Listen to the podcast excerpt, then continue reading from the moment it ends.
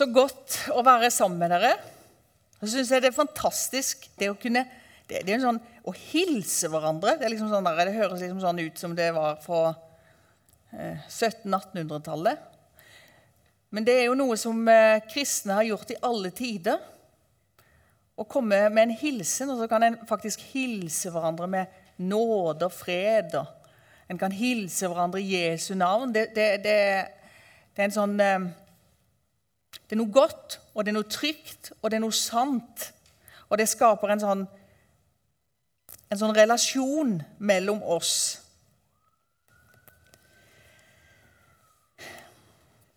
Jeg har satt en overskrift på denne talen.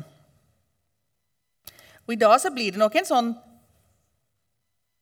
fortellingstale. Det blir eh, repetisjon for noen. Og så blir det kanskje noen som tenker at Oi, den historien har jeg nesten ikke hørt. Overskriften det er 'For en tid som denne'. Og det var altså Israels folk som var bortført og var i fangenskap. Og de var i eksil i 70 år. Og dette var på 500-tallet før Kristus i Babylon. Så handlinga i Esters bok det er da litt seinere. Da blir det 400-tallet før Kristus. Og da var mange av israelittene reist hjem til, eh, til Israel fra eksiltilværelsen. Men mange jøder bodde likevel rundt om, eh, spesielt i det persiske riket, for det var kjempestort. Det var eh, omtrent fra Nord-Etiopia og til India. Og så var det en eh, konge. Han heter Serkis. Og så kom det et sånn dekret. Det kom en befaling om at alle jødene i de persiske provinsene de skulle dø. De skulle drepes. Så egentlig så, så sto en overfor et, et folkemord. Og det er utgangspunktet for eh, dramatikken og historien i denne boka. Så skal jeg fortelle litt sånn vi kommer framover til kapittel 4, som jeg skal si mest om. For det skjedde nemlig at eh, han Serkes han hadde jo ei dronning. Men hun ble avsatt. Og hvorfor blei hun det? Jo, det hadde seg sånn at kong Serkes hadde hatt eh, en, eh, en voldsom fest på 180 dager med stormenn fra ulike provinser rundt om. Og På slutten av den festen så spør kong Serkes om hun har lyst å komme inn og vise seg for disse mennene. Og det ville hun ikke. Hun var modig. Hun sto opp for seg sjøl som kvinne. Hun ville ikke være en som bare blir sett på. Men det likte ikke kong Serkes, så hun blir avsatt. Og da begynner han å lete etter en ny dronning. Og det er mange da som eh, holdt på å si, kom på, eh, på besøk, og han skulle velge seg ut. Og så er det da ei som heter Ester, som han syns er aller vakrest. Og han velger hun. Og Ester blir dronning. Og Ester hun var fra det jødiske folket. Men det var det ingen som visste.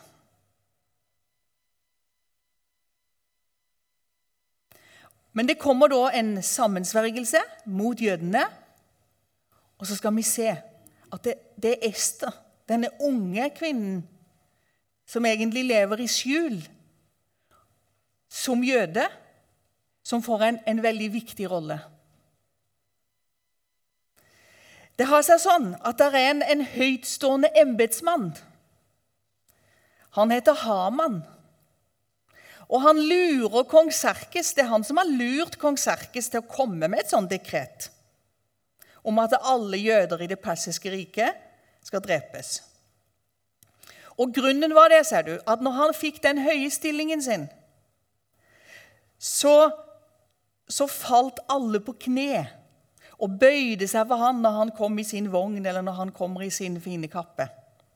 Og det likte han kjempegodt. Men det var én mann som ikke bøyde seg, og det var Mordekai. Og Mordekai, han var jøde. Og han var fosterfar for Ester. Og han var òg søskenbarn til Ester.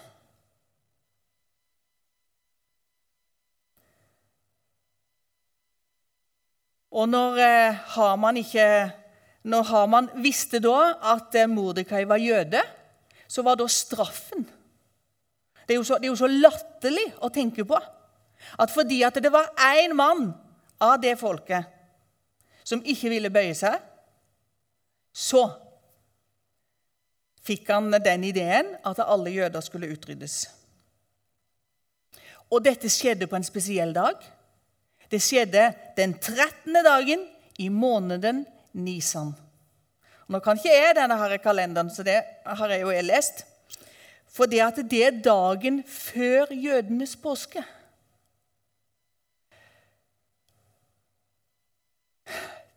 Den store festen, den, den, den, den store takkefesten, den store eh, minnefesten Den som, som, som sa at vi overlevde. Vi ble redda ut av Egypt. Dødsengelen gikk rundt, og så ble vi redda pga. at vi gjorde det som Gud sa, Herren sa. Vi tok blod på dørstolpene.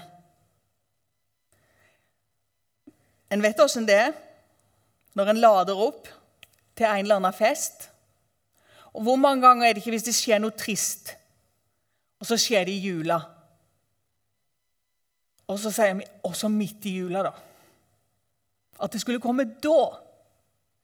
Og det gjorde det for jødene den gangen.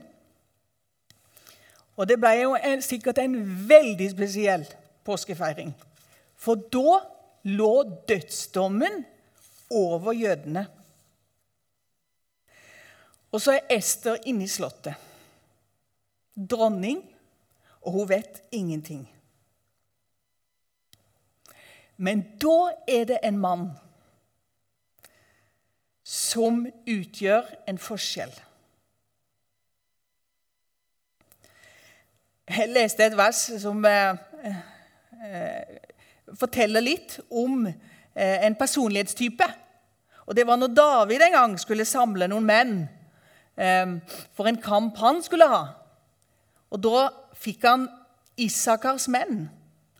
Og så sto det av Isakars menn kom det menn som forsto seg på tidene, så de visste hva Israel hadde å gjøre. Å forstå seg på tidene, hva er det?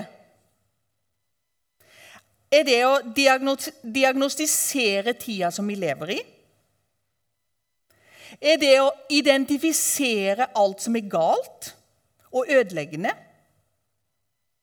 Å forstå seg på tidene er det å ha de rette meningene. Er det å ha fortidens svar på nåtidens utfordringer? Fortidens store menn og kvinner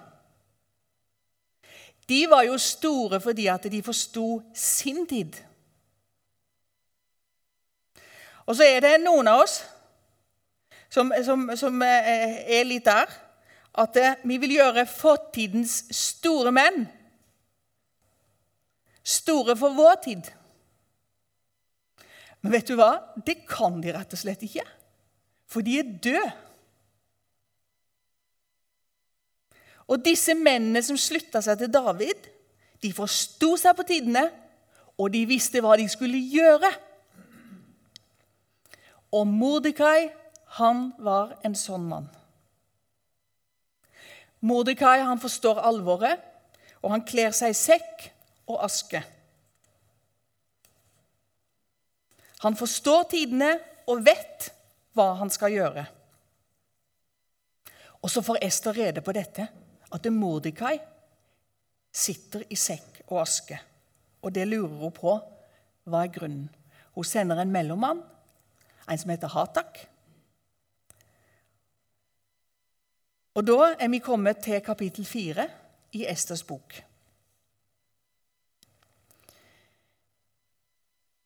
Eh, I vers 6 så står det Hatak gikk ut til Mordekai på byens torg foran kongens port. Og Mordekai fortalte ham alt det som hadde hendt ham. Han oppga for ham nøyaktig hvor meget sølv Haman hadde lovt å betale til kongens skattkammer for å få utryddet jødene. Han ga ham også en avskrift av den skriftlige ordren som var blitt gitt i Susan om å ødelegge dem. Den skulle han vise Ester og melde henne alt og pålegge henne å gå inn til kongen og be og bønnfalle ham om nåde for folket sitt. Det var ikke noe sånn der omtrentlig beskjed som Mordekai kom med til Esta. Han ga henne det, skriftlig. Dette er ikke noe du lurer på, og dette haster. Det var litt av en beskjed som Esta fikk. Og reaksjonen hos oss er eh, egentlig bare eh, det som hun gir beskjed om ut til Mordekai. Og da eh, er hun veldig realitetsorientert. For hun sier det at alle kongens tjenere og folket i kongens landskaper vet at hvis noen, mann eller kvinne, går inn til kongen i den indre gården uten å være kalt, gjelder det for hver og en samme lov. Han skal late livet hvis da ikke kongen rekker ut gullstaven sin mot ham. Da får han leve. Men jeg har nå i 30 dager ikke blitt kalt til å gå inn til kongen. Det var bare den beskjeden hun ga ut til Mordekai. Og egentlig så sier hun det er umulig. Det er litt sånn Takk for orienteringen. Takk for beskjeden. Men det er helt umulig. Det vet du, og det vet jeg, og det vet alle. Men så var det bare at Mordekai var en annen type mann. Han hadde fått en tro og en overbevisning. Så han gir seg ikke. Han sender en ny beskjed. Og han sier egentlig, 'Ester, nå må du løfte blikket litt.' For nå ser du bare på det som er umulig. Du må ikke tenke, Ester, at du alene av alle jøder skal slippe unna fordi du er i kongens hus. Og så sier Mordekai noe som har med det å alltid være stille, ikke si noe, ikke tore å stikke seg fram. Han sier noe om stillhetens konsekvenser. For om du tier stille i denne tid, så vil det nok komme befrielse og redning for jødene fra et annet sted. Men du og din fars hus skal omkomme. Du har lov å tie stille. Du har lov til å la være å være med på denne redningsaksjonen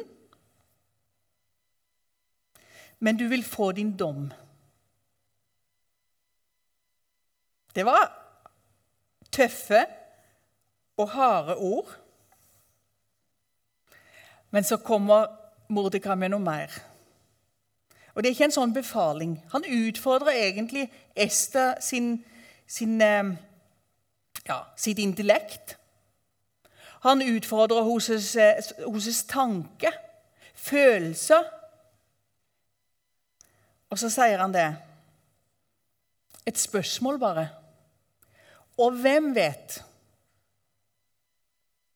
om det ikke er nettopp for en tid som denne at du har fått dronningverdigheten?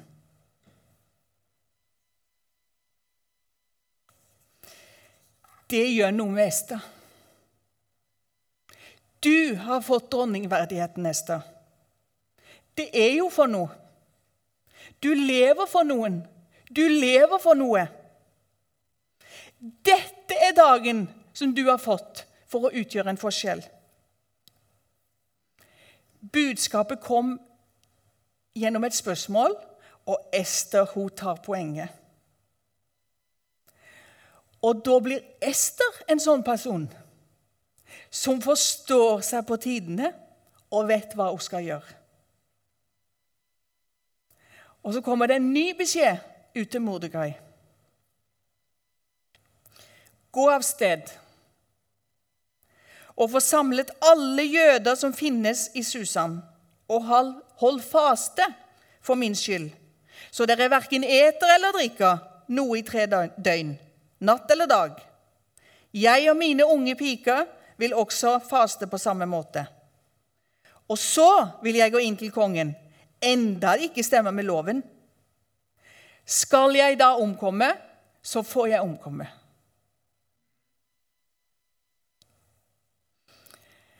Ester så seg plutselig så seg sjøl inn i en, en, større sammenheng.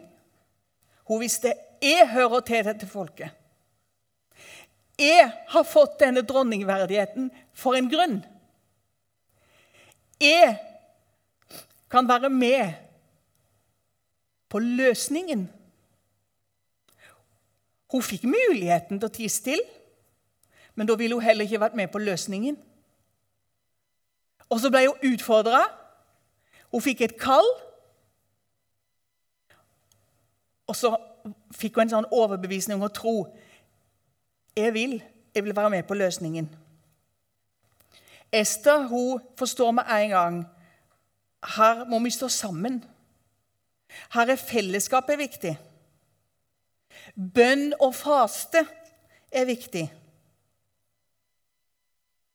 Og så går hun bare mot det som ser helt umulig ut. Hun velger å gå inn til kongen. Men det er jo en helt annen Ester enn hun som sa det at ja, ifølge den paragrafen der, og ifølge loven, og i forhold til det alle vet, så er det jo helt umulig å ringe til kongen. Men nå var det en annen Ester, og så sier hun Skal jeg da omkomme, så får jeg omkomme. Det får bære eller briste. Om jeg lever eller dør, så hører jeg Herren til. I de hånd er mine tider. Vet du, Det samme budskapet går igjennom Bibelen og går igjennom de tro, det som de troende har sagt og trodd og levd etter. For en tid som denne. Og du lever i denne tida. Du lever i 2020. Du er ikke satt til å leve i 1960-åra. Ikke nå. Du lever i 2020, i en tid som denne. Hva syns du om denne tida, egentlig? Du kan jo ikke velge om du vil være her eller ikke denne tida vår? Ser du på det som en motstander eller som en venn? Er det en hindring, eller er det en mulighet?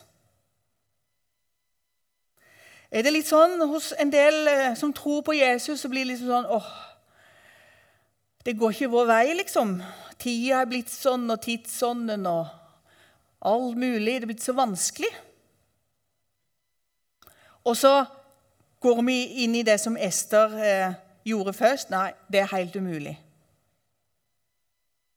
Men så kommer en type Mordekai, og så sier han det. Det er jo muligheter. Ingenting er jo umulig for Gud. Og så blir det sånn ja, men Det er ikke min sak. Jeg kan jo ikke gjøre så veldig mye. Og så kommer en sånn Mordekai som har kommet gjennom eh, hele historien og hele, hele Bibelens eh, historie. Så kommer det sånn Men løft blikket, da. Det er jo muligheter. Så liksom, nei, andre må gjøre noe. Andre kan gjøre. Andre kan eh, fortelle om Jesus. Og så går vi inn i den derre stillheten. Men så har òg den stillheten noen konsekvenser.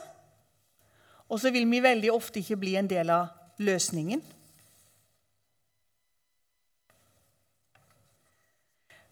Kanskje det er mange av oss som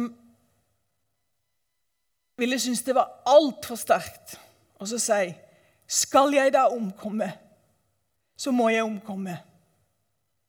Og du skal ikke si det eh, hvis ikke du kan si det.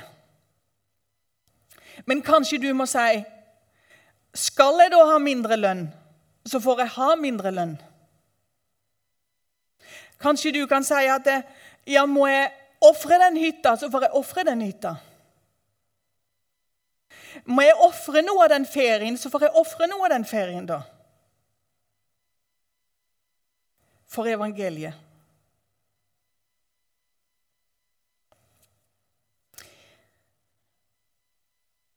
Jeg og du har, har, har, har, eh, det privilegium at vi er med i en misjonsorganisasjon. Og det betyr at en har som en, eh, som en mål og som en drøm at mennesker, til og med steder som er langt, langt unna, i andre, andre folkeslag, skal møte Jesus Kristus. Vi ønsker å nå mennesker med evangeliet. Men så er det et eller annet som skjer Kanskje både i vårt eget hjerte og vår egen eh, organisasjon og kultur og i Norge. Så er det liksom Men det er umulig. Det går jo ikke an. Løft blikket. Har vi hatt bedre muligheter enn nå? Stillhetens konsekvenser fører til at du blir ikke en del av løsningen. Og jeg har lyst til å være en, en del av løsningen. For en tid som denne, 2020 Det er jo vår mulighet. Det er jo, det er jo, det er jo den tiden vi har for å få evangeliet ut. Esther hun forsto dette må vi være sammen om. Dette må vi, ha, vi må gjøre det i fellesskap. Vi må ha bønn og faste. Det er noe som jeg har undra meg litt på når vi har hatt denne tida som vi kaller koronatida. Og så har, jeg hørt det hundrevis av ganger. De snakker om en underlig tid, sier folk. Og dette er en spesiell tid. Og så er det så veldig mange som sier Og jeg håper jeg kommer tilbake til normalen. Håper vi kommer til normalen. Men hvorfor skal vi til normalen? Kanskje vi er blitt kalt til bønn og faste? Og kanskje ikke det var en del av normalen før? Og så kan vi gå inn til kongen, og i dette tilfellet så var jo kongen det som, som var så fryktelig vanskelig, og det som var umulig. Og så kan vi si at eh, ja, nå har du satt oss, Herre, til å leve i 2020. Her vil vi kjempe. Her vil vi se mulighetene. Her vil vi være en del av løsningen.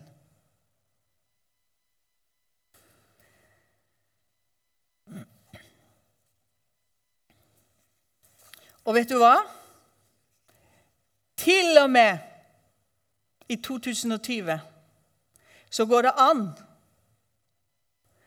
å komme ifra mørke til lys. Fra å være en benekter av Jesus til å bli en troende. Til å tro på Jesus. Når Jesus Kristus kom til jord, så var budskapet hans at det, tiden er inne. Guds rike er kommet nær. Omvend deg og tro evangeliet. Nå er tida til omvendelse, til nytt liv. Det er mulig.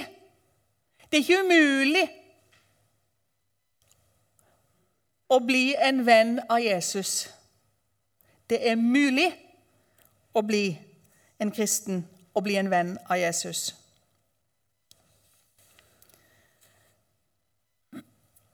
Ester hun gikk inn til kongen. Og så ble hun akseptert. Han tok ut dette her septeret. Og hun inviterer han til en fest. Hun inviterer han til enda en fest, der Haman er. Og så avslører hun Haman sine planer, og Haman han blir hengt.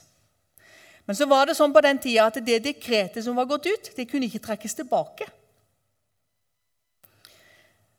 Men kongen han utsteder et nytt dekret, en ny befaling. Og det gir jødene lov til å kjempe imot. Så Esters bok det er egentlig en forklaring på hvorfor de feirer purimfesten.